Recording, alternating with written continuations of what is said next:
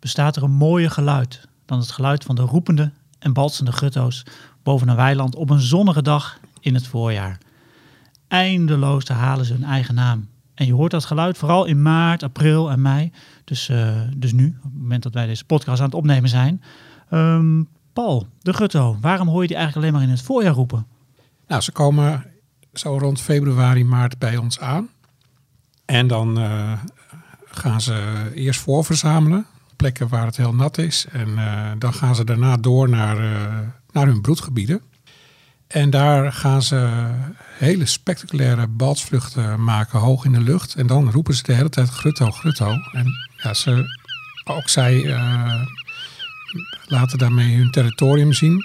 En ze maken contact in de lucht. En het grappige is als ze dan zo roepen en dan heel hoog die balsvlucht maken, dan maken ze een hele langzame vleugelslag. En ze kantelen zeg maar hun uh, lichaam de hele tijd. Dus het is echt heel spectaculair. En uh, ja, dat doen ze zo lang, zeg maar, totdat ze echt gaan broeden. En ook als ze op een gegeven moment aan het broeden zijn, dan willen ze nog wel eens heel veel herrie maken. Als er bijvoorbeeld een kraai aankomt of een kiekendief, die jagen ze dan natuurlijk weg. En dan gaan ze ook heel vaak op dezelfde paal zitten. En dan maken ze ook de hele tijd grutto, grutto, grutto, dat geluid en ook wel wat andere geluiden. Ja, maar vooral hun eigen naam roepen ze dan nog even. Denk je zegt ze komen aan, maar dat betekent dus dat ze ergens vandaan komen. Waar komen ze vandaan als ze in het voorjaar hier in Nederland uh, arriveren? Ja, de, de grutto's uit uh, West-Europa trekken helemaal naar, naar Afrika, de westkust. En dus heel ver weg. En die blijven daar dus ook bijna de hele winter. Daarna gaan ze via tussenstops weer naar ons toe. En een van de bekendste tussenstops is bij, uh, in Portugal langs het Taag. En daar heb je dan echt groepen van 15 tot 20.000 stuks die je in één keer uh, kan zien opvliegen. En dat is echt mega spectaculair. Het grappige is dat ze in de zomer bij ons dus vooral uh, wormen en insecten eten. En in de winter gaan ze over op plantaardig voedsel. Met mm -hmm. name rijst. En dat eet ze dus in West-Afrika. Daar heb je heel veel rijstvelden. En ook langs de Taag heb je ook heel veel rijstveldjes waar ze dan uh, eten. Ja, en dus, dus een, paar, uh, een paar maandjes zitten ze hier en dan zijn ze weer vertrokken? Ja, vanaf augustus, september zijn ze eigenlijk alweer weg. Oeh, dan moeten we snel naar buiten om te gaan luisteren naar de gutto.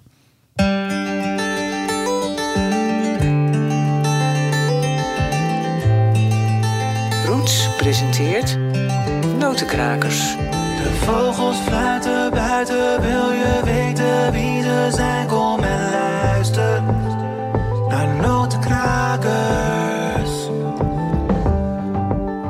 Welkom bij de podcast Notenkrakers. Mijn naam is Daniel Mulder en in deze podcast van april 2022 alweer neem ik je mee in de wereld van de chilpende, zingende, piepende en kwakende vogels. En tijdens deze reis door de wereld van de vogelgeluiden schuift gelukkig altijd mijn collega en vogelaar Paul Beuren aan, die bijna alles weet van vogels. Paul, um, de gutto. Het is een, uh, een troetenvogel. Het is een zorgenkindje in Nederland. Uh, het gaat altijd over de gutto als het over de weidevogels gaat. Hoe kan dat? Waarom is die gutto zo'n zo, zo bijzondere vogel? Ja, vogelaars raken natuurlijk niet uitgepraat over de gutto. Allereerst, um, troetelvogel. Wij hadden nog steeds geen uh, nationale vogel, terwijl bijvoorbeeld Engeland de roodborst heeft en Frankrijk misschien wel de bekendste, de Gallische haan. Mm -hmm. Dus uh, hebben in 2015 Vara Vroege Vogels en de Vogelbescherming de handen ineen geslagen en een soort ja, een, een prijsvraag een voor verkiezing? een verkiezing voor nationale vogel ge georganiseerd. En daar kwam de grutto uiteindelijk uit. Dat is al wonderlijk, toch? Dat het niet de nou merel ja, is of de huismus? Het of? is natuurlijk, uh, het, wat we al zeiden, hij is uh, heel nadrukkelijk aanwezig. Het is eigenlijk onze echt weidevogel, waarvoor wij heel belangrijk zijn. Hierover later meer. Mhm. Mm -hmm. En uh, het is natuurlijk de ultieme lentebode. hij is ongelooflijk elegant, fotogeniek, daarmee een icoon van het polderlandschap. Maar ik denk ook, en dat hoor je eigenlijk nooit, dat dit ook de oranje kleur een klein beetje... Mensen vinden hem gewoon mooi. Nou ja, hij is een beetje oranje. Dus oh, dat hoort er weer je bedoelt, bij, voor ons oranje. Ja, ons oranje gevoel. Ik, oh, daar heb ik nooit over nagedacht. Nee, eigenlijk volgens mij bijna niemand, maar ik wel. Ja, maar daarom zit je hier ook, dat jij nadenkt over dingen waar andere mensen niet over nadenken. Dus dat is precies de reden. Ik wou het maar zeggen. Oké, dus dat is de, de, reden waarom het misschien een, een troetelvogel is. Maar uh, het is ook een beetje een zorgenkindje, toch? Nou ja, dat is dus waar, waar wij vogelaars al decennia ons ernstig zorgen over maken. Want hij gaat niet een beetje achteruit. Hij gaat ieder jaar met 5% achteruit. Als je nagaat dat er uh, in de jaren 60 nog een, uh, nou, zo'n 125.000 paarden hier in Nederland zaten. En inmiddels zijn dat er 38.000. Dan gaat het rap, heel rap. Want wat blijkt nou eigenlijk echt het grootste probleem is niet alleen dat al die uh, natte bloemlumweiden langzaam zijn verdwenen en veranderd in keurig aangehakte akkers en uh, strakke weiden die ook nog veel te droog zijn voor ze. Mm, het vooral... groene asfalt, hè, wat, uh, wat uh, zoals dat genoemd wordt. Ja, klopt. Want ze zijn natuurlijk vooral aangewezen op heel nat weideland, omdat ze anders met hun snavel niet diep naar die wormen en die insecten kunnen zoeken. Mm -hmm. Maar waar onderzoekers recent achter zijn gekomen, is dat eigenlijk de kuikens dat meteen de grootste problemen tegenkomen. Namelijk dat 80% van de insecten waar zij uh, naar pikken, te klein zijn voor ze. En dat is echt heel veel. En uh, daardoor is de gemiddelde jaarlijkse nestuitkomst uiteindelijk berekend op zo'n 8%. En dat hoort zo rond de 50 te zijn. Dus dat is echt extreem weinig. En daarom komen er zo weinig uh, grutto's groot. Oké, okay, want, die, die te kleine insecten hebben te weinig voedingswaarde. Dat is het idee erachter dan. Ja, zijn echt, ze zijn niet een beetje te klein, ze zijn echt veel te klein. Dus uh, als je nagaat dat een grutto 1200 uh, insecten per dag eet. 1200? Als, ze wat groter zijn. Ja. En als ze allemaal te klein zijn, dan, uh, ja, dan wordt het onbegonnen werk. Dus ze hebben altijd honger? Ze hebben altijd honger. Oh. Ja, en tel daarbij op dat die voorjaars uh, steeds droger worden. En ja, daar, daar, dat speelt u ook tegen. Ja. Dus nou, al met al, er wordt heel hard aan gewerkt. Daar zullen we het straks ook nog even over hebben. Ja. En het is niet hopeloos, maar we moeten wel aan de bak. Ja, het is, een, uh, het is iets meer een zorgenkindje, maar ook een troetelvogel. Nou, voor we verder gaan praten over de grote Paul Zeiltuil, gaan we eerst even bellen met Timo Roeken van Vogelbescherming Nederland om te horen wat er allemaal gebeurt in Vogelland Nederland. In Vogelvlucht. Timo, goeiedag. Hey, goeiedag heren. Fijn dat je weer aanschuift uh, maandelijks bij onze podcast die deze keer over de grutto gaat. Wat je altijd fijn doet. Ja, nou, fijn om dat weer te horen. En uh, wat je altijd doet vanuit uh, Vogelbescherming is, uh, is vertellen wat er allemaal gebeurt op, in Vogelnieuws. En um, daar ga je altijd over nadenken. En dan heb jij een paar mooie soorten of andere onderwerpen. Waar wil je mee aftrappen? Ik wil graag aftrappen met de steppenkikkerdief. um, het voorjaar staat weer voor de deur. Dus dat betekent dat we in Nederland weer onze dosis aan uh, gaan zien die weer terugkomen uit, uh, uit Sahel en andere delen van Afrika. Nou, de blauwe kiekerdief, die, volgens mij hebben we die ook al eens behandeld. Dat is, ja, dat is wel echt een iconische soort voor Nederland waar het helaas ontzettend slecht mee gaat. Uh, de bruine kiekerdief, die ziet iedereen denk ik wel als je een beetje fanatiek vogelt. Dat is een algemene vogel, of algemeen, dat is, die is goed te zien in Nederland en dat is ook een broedvogel. dan hebben we nog de grauwe kiekerdief, die is al wat zeldzaam. Maar dan hebben we nog een zeldzame variant. Tenminste, zoals het vroeger. Het lijkt tegenwoordig een beetje om te slaan. Maar de steppenkikkerdief. En um, die begint weer langzaam het land binnen te, te druppelen. En dat is toch wel echt een hele mooie, ranke um, roofvogel. Ja, en je zegt uh, binnendruppelen, dat, is, dat gebeurt dus eigenlijk ieder jaar, alleen steeds ietsjes meer. Ja, dat klopt. Steeds ietsjes meer. En uh, een paar jaar geleden is, het, is die zelfs voor het eerst uh, een, uh, een broedvogel geweest voor Nederland. En, uh, maar goed, determinatie is niet al te makkelijk. Dus aan de ene kant denk ik dat er wel een uh, sprake is van een waarnemerseffect. Dus steeds meer mensen zijn op de hoogte van het bestaan van de steppenkikkerdief. Dus dat betekent dat hij ook wel meer wordt gezien. Aan de andere kant, het is ook wel een vogel die ontzettend sneaky uh, kan jagen. omdat, hij zo, uh, omdat hij zo rank en, en klein is. Uh, en de determinatie is ook niet altijd even makkelijk. Dus uh, dat maakt het ook wel eens lastig. Dus aan de ene kant hebben we het waarnemerseffect dat, die steeds, dat steeds meer mensen op de hoogte zijn. En aan de andere kant denk ik dat er echt nog een heel gros gewoon doorheen glipt. Ja, en als je het over de. Uh, zegt de naam Steppen, Kiekendief, zegt dat iets over waar die vandaan komt? Ja, waar die zeker. leeft? Ja, waar die um, um, echt op de graanvelden zeg maar, van uh, Rusland en Oekraïne, daar, uh, ja, daar, daar, voelt hij zich thuis. Maar goed, daar zijn natuurlijk uh, niet door de, gelukkig niet door de veranderingen van de, van de laatste maanden. Maar je ziet ook dat daar het leefgebied ook gewoon steeds verder verandert. Uh, dat daar ook steeds minder graan wordt verbouwd. Ten, op, ten vergelijk, of als je dat vergelijkt met decennia geleden. Dus eigenlijk een beetje de, de landbouwrevolutie die we hier in Nederland ook hebben meegemaakt. Ja, die, die, die vindt ook steeds meer plaats in het oosten van Europa. Ja, en dat, dat, ja, dat, heeft, zo, dat heeft ook slachtoffers. En de steppenkiek is er daar denk ik één van. Dat het leefgebied verandert gewoon. Ja, en als je zegt dat ze Nederland binnendruppelen, om wat voor aantallen gaat het dan? Um, ja, dat vind ik lastig. Maar als we kijken op waarneming.nl, wat, wat, een, wat, een, wat een beetje een indicator is van wat er wordt gezien natuurlijk, dan heb je het over tientallen per jaar. Uh, Paul, is dat ieder jaar een soort waar jij naar uitkijkt? Ja, zeker. Ja, want uh, nou, wat hij al zei, wordt steeds vaker gezien. En uh, ook bij ons langs de kust, zeg maar, als ze doortrekken. En met name ook straks weer in het najaar, dan komen die jonge vogels naar ons toe. En die zijn heel mooi, die hebben een oranje buik. En een hele mooie boa, zoals we dat noemen. Een hele mooie lichte koptekening, met een, zeg maar net alsof ze een boa om hebben. En ja, het is, hij is heel rank en uh, jaagt ook uh, heel veel op zangvogels. Wat uh, een beetje sperwerachtig, zeg maar. En mm -hmm. heel spectaculair gedrag. Dus een van mijn lievelingsroofvogels de laatste jaren. Ja, en waar in Nederland is dat, zijn ze te zien? Nou, eigenlijk door heel Nederland tijdens de trek. Je kan hem echt overal in Nederland uh, zien. En uh, in het najaar wellicht iets meer langs de kust, denk ik. Op Texel bijvoorbeeld hadden we vorig jaar eentje. En uh, bij mij bij de Harge Pettenpolder een paar keer ook eentje die wat langer is blijven hangen. Mm -hmm. Met name in het najaar blijven ze nog wel eens een tijdje wat langer hangen. En het mannetje is echt super mooi. Die is heel, heel, zeg maar, asgrijs. En dan met zwarte vleugelpunten. echt onvoorstelbaar mooie kiekendief. En uh, je noemt nu al wat kenmerken. Timo, uh, je zei volgens mij al, uh, hij is misschien niet super makkelijk te herkennen. Even voor, stel je herkent wel een kiekendief. Hoe weet je zeker dat het een stepper kiekendief is die je in het vizier hebt? Ja, er zijn, er zijn wel... Het, het, er zijn meerdere kenmerken waar je op moet letten. Dus dat is een beetje vervelend. En hij lijkt ook gewoon ontzettend veel op de blauwe en op de grauwe kiekendief. Vooral op de grauwe kiekendief lijkt hij heel veel op. Dat, dat is ook zo'n ranke kiekendief. De blauwe is net iets groter.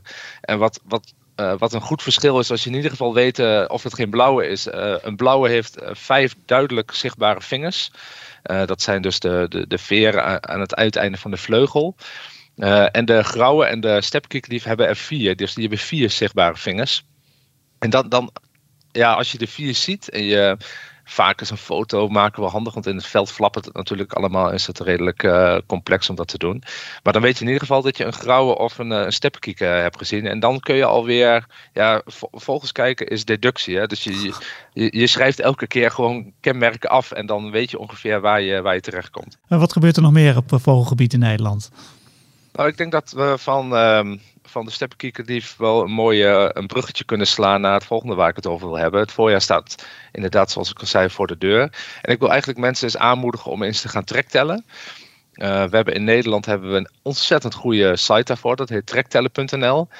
En uh, trektellen is eigenlijk je staat op een vast punt, dus je doet in principe een punttelling, zoals dat dan heet. En op dat punt dat sta je daar een aantal uren, of je staat een uurtje, het is maar net hoeveel tijd je hebt. En dan ga je kijken eigenlijk hoeveel zichtbare en hoorbare migratie je kan waarnemen. Um, en dat kun je dus vastleggen op uh, trektellen.nl. Je kunt het natuurlijk ook gewoon invoeren op waarneming.nl. Maar trektellen is echt de plek zeg maar, waar je een officiële telling in kan voeren. Um, en het leuke aan de site is, dat je ook gewoon kan zien waar zitten de trektel posten eigenlijk bij mij in de buurt. En vaak staan er dan, dan kun je die aanklikken en dan staan er wel contactgegevens bij.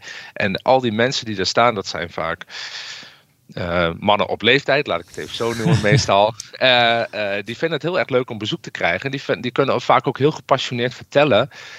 Um, wat, nou, wat nou precies het verschil is tussen een overvliegende boompiep en een graspieper. Dus vooral voor beginnende vogelaars, als je geluiden wil leren kennen, is dat echt, echt een hele hele goede manier om op een snelle manier uh, geluid onder de knie te krijgen. Oké, en, en want die, die, die plekken, dat zijn dus vaste plekken in Nederland. Het is niet dat jij kunt zeggen Precies. van het lijkt me leuk om te gaan tellen, ik doe dat in mijn achtertuin. Dat moet je op een bepaald punt in Nederland doen. Nou, als jij wilt tellen in je achtertuin, dan denk ik dat je meer dan welkom bent. Um, maar um, er zijn natuurlijk bepaalde um, ja, elementen in het landschap die ervoor zorgen dat vogels een bepaalde route vliegen. Dus eh, hier in het oosten heb je natuurlijk, de, waar ik woon, heb je de stuwwal bijvoorbeeld. Hè? De stuwwallen, uh, dus je kunt redelijk goed voorspellen waar die vogels langs vliegen. En in het westen van het land, ja, de duinen, ze kunnen niet verder dan de zee.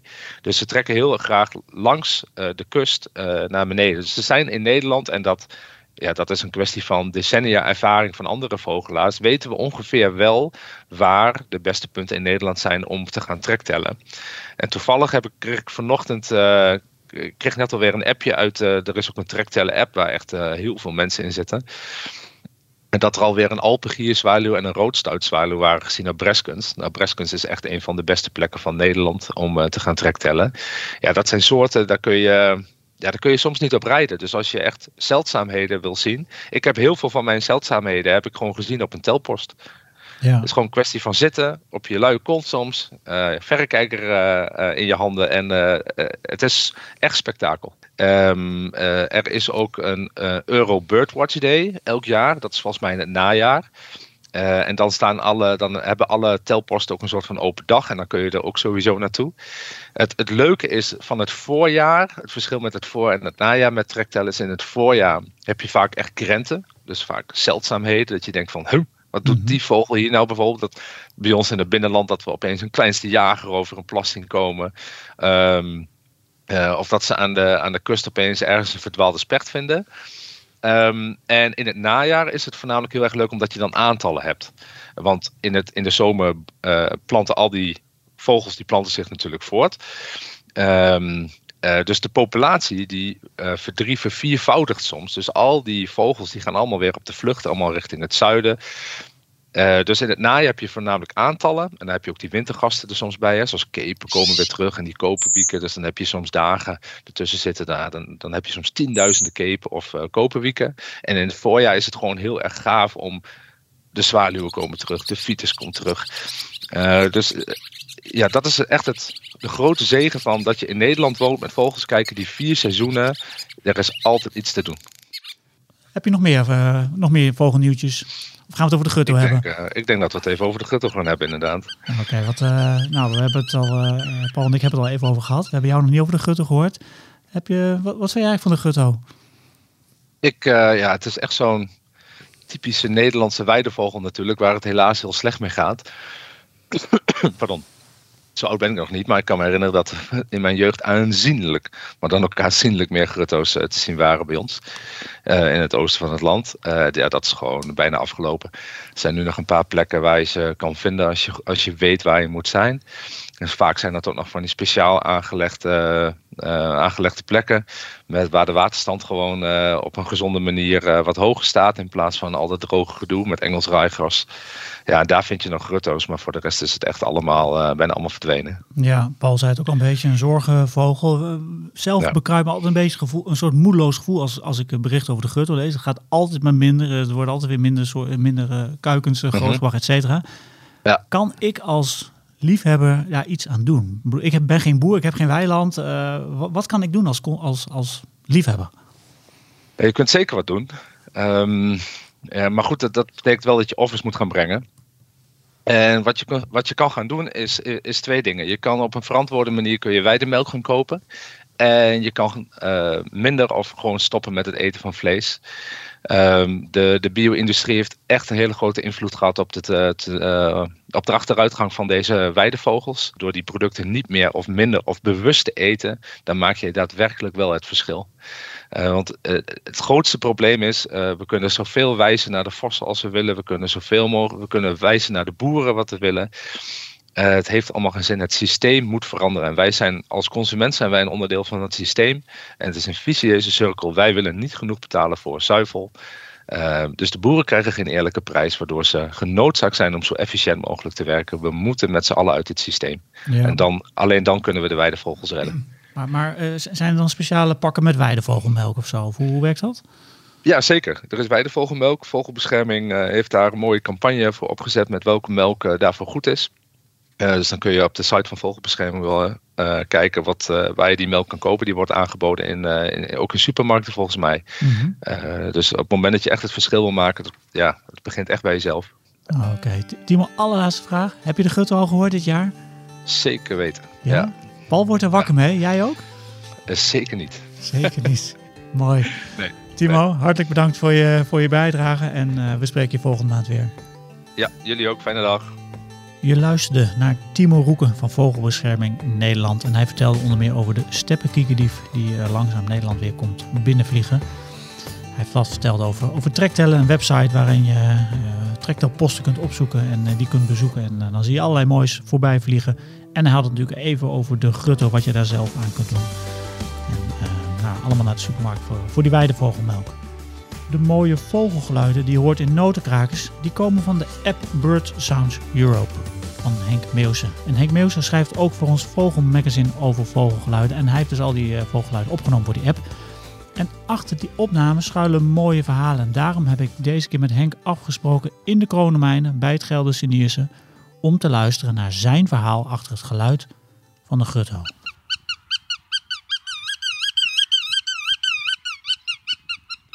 Henk, wat horen we hier? jeugdsentiment. Dat hoor je misschien niet, maar dat voel ik een, een beetje. Of een beetje veel. Ik, kom van de zandgronden, dus je kunt zeggen, ja, zandgronden, grutto's, jeugdsentiment. Maar in ehm, de laatste jaren voordat ik ging studeren, heb ik met mijn neef hebben aan weidevogelbescherming gedaan. Want op die zandgronden zaten dus naast eh, veel kievieten, wat schoolleksers en wat wulpen, zaten ook best eh, links en rechts nog eh grutto's.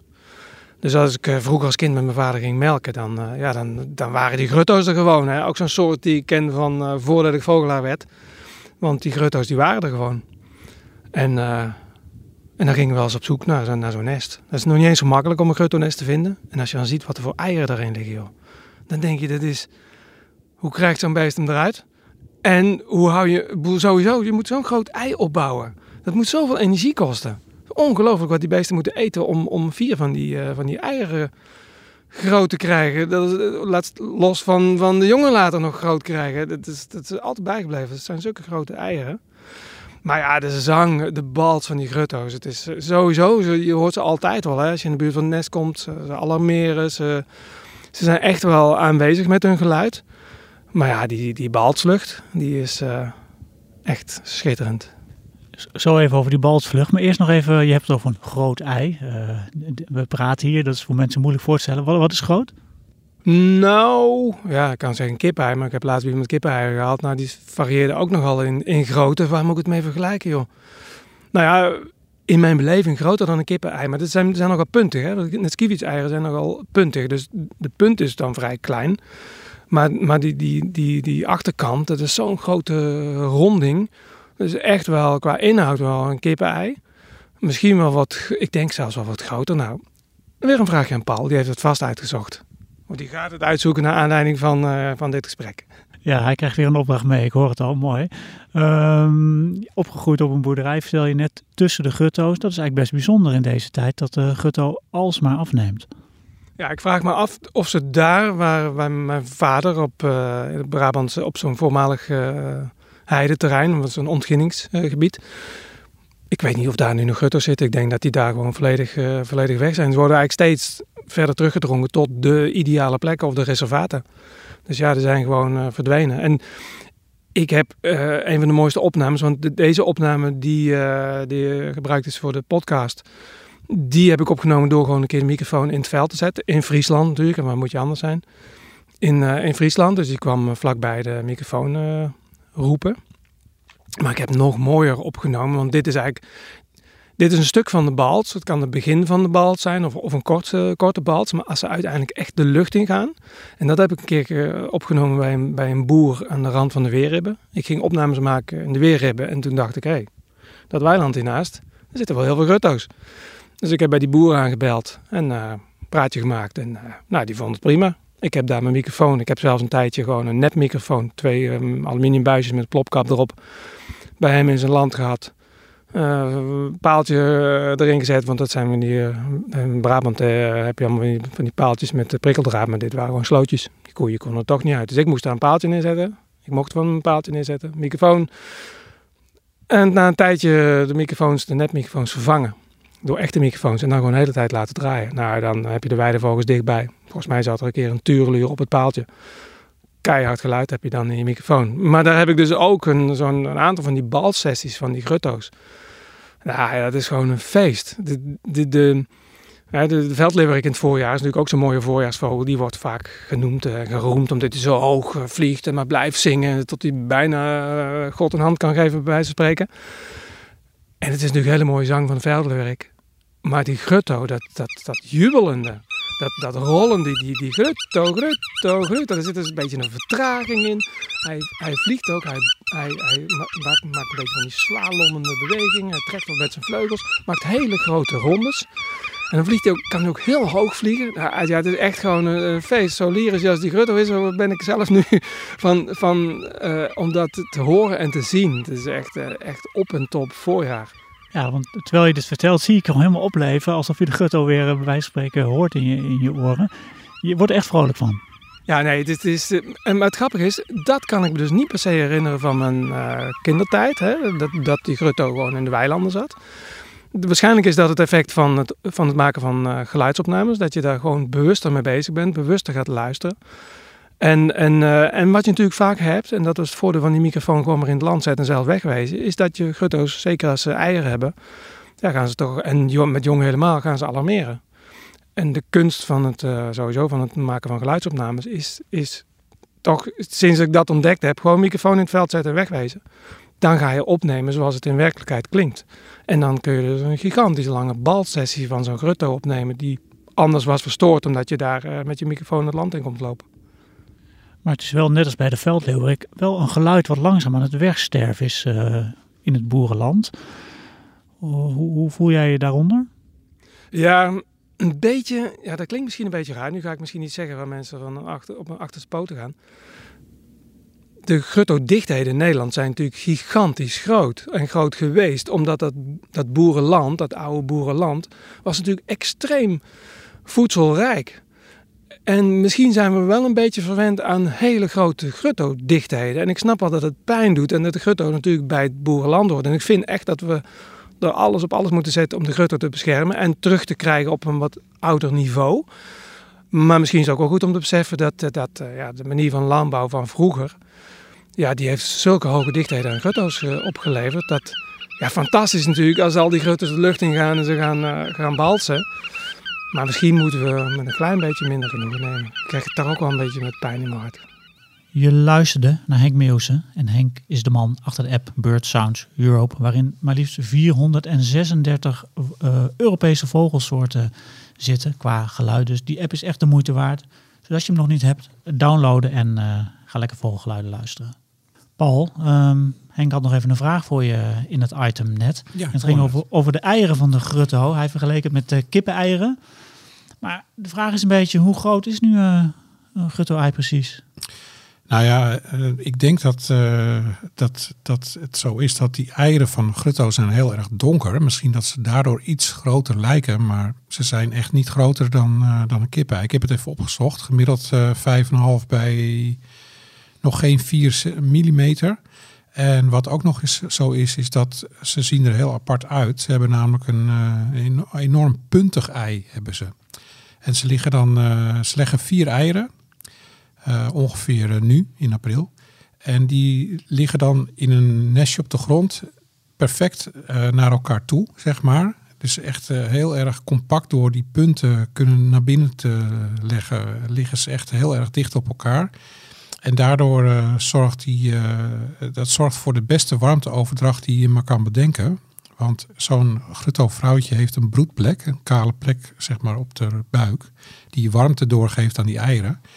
Ja, en dat komt zo compact bij elkaar dat het, uh, ja, dat het, dat het broeden echt perfect uh, verloopt op die manier. En het is een leuk weetje dat uh, puntige eieren vooral voorkomen bij lange afstandstrekkers onder de steltlopers. Omdat die gewoon heel rank gebouwd zijn. En dus ook niet zo'n heel rond ei letterlijk uit kunnen poepen. Ja, oké. Okay. Nog even één ding. Je noemde net dat ei de grootte. Je zei volgens mij 4,5 mm. Maar dat, ik denk dat je iets, iets uh, niet millimeter bedoeld, toch? Want dat is wel ja, heel klein. Uh, 55 bij 37 millimeter, dus zeg 5,5 oh, okay, bij, ja. bij bijna 4 uh, centimeter. centimeter. Ja, oké. Okay. Nee, even om de verwarring te voorkomen. Ik denk, want dat is wel een heel minuscuul eitje dan. Ja. Ook grappig weet je trouwens nog is dat er geen één hetzelfde is qua kleur. Dus ook als je de vier in één nestje ziet liggen, ze hebben allemaal andere vlekken. Allemaal anders. Ja, Ja. Nou, go- goed dat we de vraag even doorgespeeld hebben aan jou en dat je wat dingen hebt eh, uitgezocht. Je was al even bezig met het eh, eh, beschrijven van, van, van, van, van de eieren. Maar kun de gutto, hè? De, ehm, je had het in het begin al over, mooie oranje kleur, dus dat, dat vond jij sowieso mooi. Maar kun je hem eens gedetailleerd beschrijven voor de mensen die eigenlijk niet echt een idee hebben als een weidevogel zien, of Ja, nou wat- echt de gutto is? Wat ik al zei, het is een hele ranke vogel. Eh, je moet denken aan eh, 40 tot 44 centimeter qua lengte, inclusief de snavel. En eh, ze hebben hele lange poten, een hele lange rechte snavel. Eh, je hebt de wulp, die heeft die snavel naar beneden, kluut omhoog. Die grutto heeft een hele lange rechte snavel, waarmee die dus heel diep in die weide kan poeren naar eh, wormen en insecten. En als ze vliegen, dan hebben ze een hele opvallende witte vleugelstreep. Dat is een heel goed kenmerk eigenlijk voor de, onze grutto. En ze hebben een witte staartbasis eh, en een hele duidelijke zwarte eindband. Daarom heet hij in het Engels ook wel black-tailed eh, godwit. Eh, en daarmee onderscheid je hem ook van de rosse grutto, die ook bij ons voorkomt. Niet broedt, maar wel heel veel doortrekt nu op dit moment in de komende maand. Die, dat is zeg maar de Arctische grutto, die helemaal boven in Europa richting Rusland broedt. Ja. En die heeft een zwart met wit gestreepte staart. En daarom heet hij ook in het Engels bar-tailed godwit. Kijk, en, en de tureluur, is die daar nog mee te verwarren? Natuurluur is heel veel kleiner. En die heeft knalrode poten, of oranje, knal, bijna rode poten. En eh, veel, eh, ja, echt een stukje kleiner en eh, wat een beetje wittige buik. En wat grijzere vleugels en ook wat rood op de snavel. Dus die is echt wel heel anders. En die roept ook de hele tijd tureluur. Dus, ook wordt- zijn eigen naam. Ja. Dat zijn dat toch ook een eh, narcistische vogels eigenlijk. We hadden het al even over. Het gaat het met de gutto eigenlijk helemaal niet zo heel goed. Maar soms zijn er toch lichtpuntjes eh, waar te nemen. En zo'n lichtpuntje was het jaar 2021 volgens mij, Paul. En daar weet jij meer over. Nou, vorig jaar was relatief niet zo warm en droog voorjaar. En ehm, zijn er heel veel jonge grutto's uitgevlogen. En ehm, nou, dat is sowieso natuurlijk ontzettend goed nieuws. En, eh, maar er is nog meer goed nieuws. Er is een, een, zeg maar een heel nieuw aanvalsplan Grutto 2020 eh, geïnitieerd.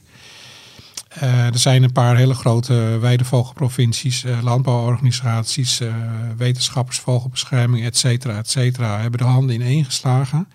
En die hebben, het plan komt er eigenlijk op neer dat het 30 eh, grote, robuuste kansgebieden voor de grutto helemaal her, eh, ja, zeg maar ingericht worden om die, eh, die, die zoveel mogelijk jongen te, te gaan produceren.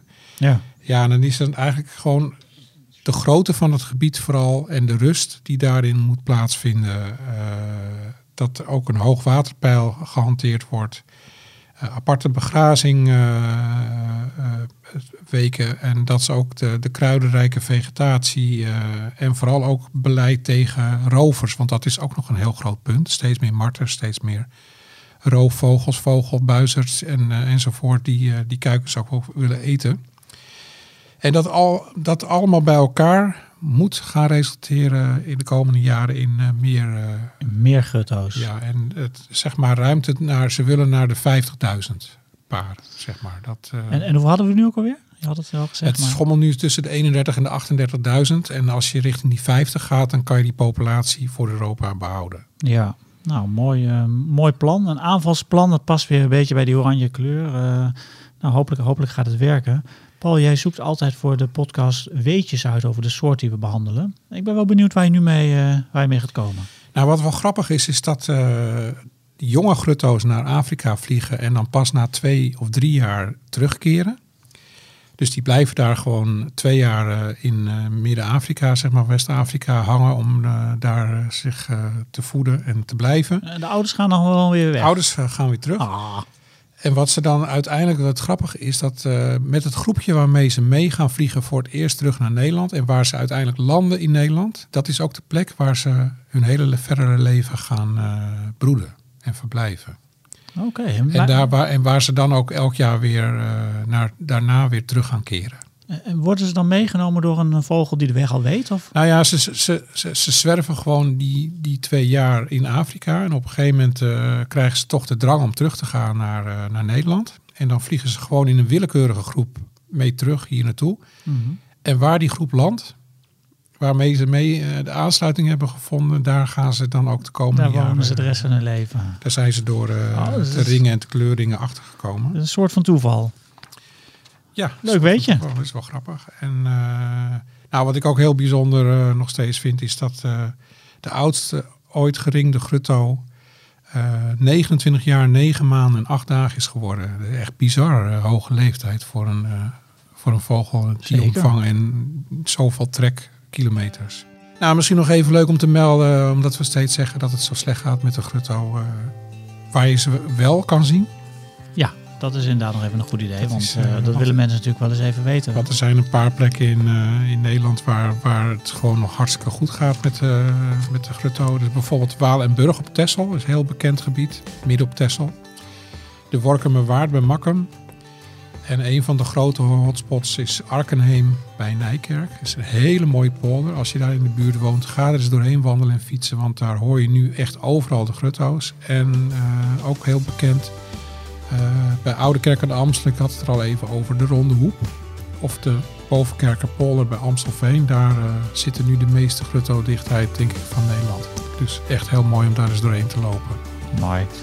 Nou, wil je nou nog meer weten over vogels? Roots brengt twee keer per jaar het Vogelmagazine uit. En deze krijg je bij een jaarabonnement op Roots. Maar je kunt hem ook gewoon loskopen. En eh, hij ligt eh, nu in de winkel. En je kunt hem ook online bestellen via rootsmagazine.nl. En als ik mij niet vergis, staat er een verhaal over de grutto in, eh, in het Vogelmagazine. Eh, even iets korter over. Waar gaat dat verhaal? Ja, gaat over de grutto. Dat lijkt me helder, maar... Nou, Otto Plantema eh, heeft samen met Astrid Kant. En Astrid is zo'n beetje de weidevogelfotograaf van Nederland qua grutto's. Een ontzettend mooi boek gemaakt. Het heet Grutto.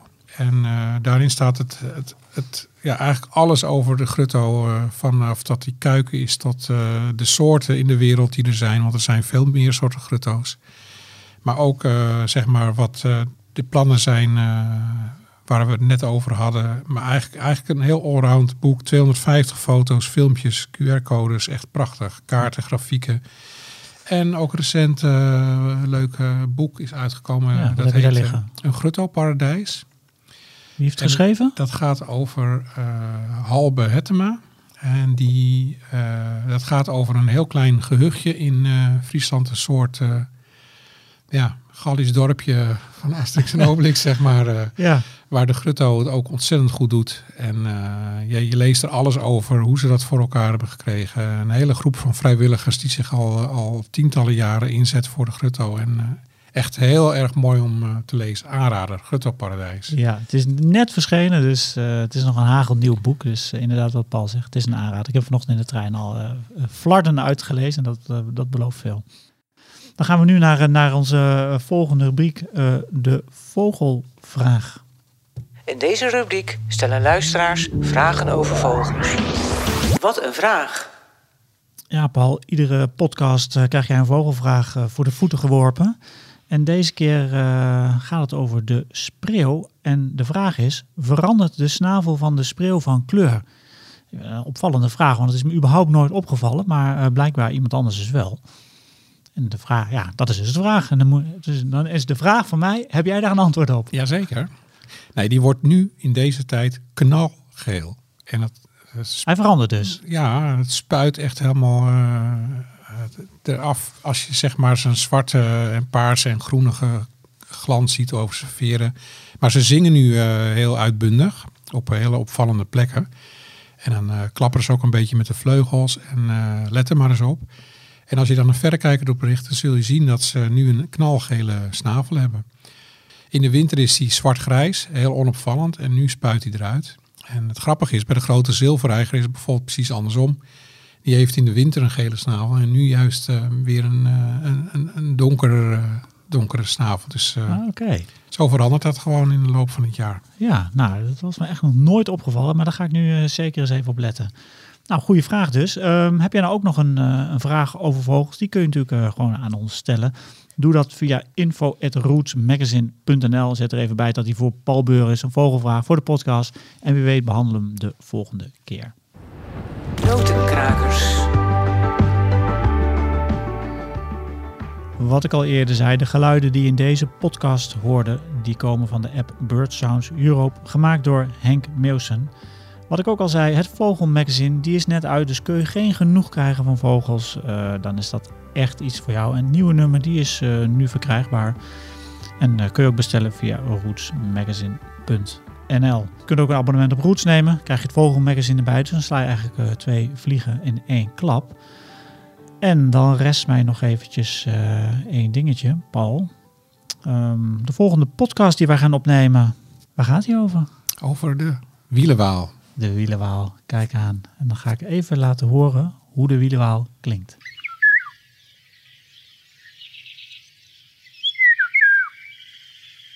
Tudeljo klinkt zijn lied, Tudeljo klinkt zijn lied. Inderdaad. Waanzinnig mooi, hè? Wat een mooi geluid, joh. Ja. Echt mooi. Ja, jij hebt en ze zijn ook ongelooflijk mooi. Geel met zwart, oranje snavel. Echt elke keer weer kicken als je hem hoort en daarna ziet.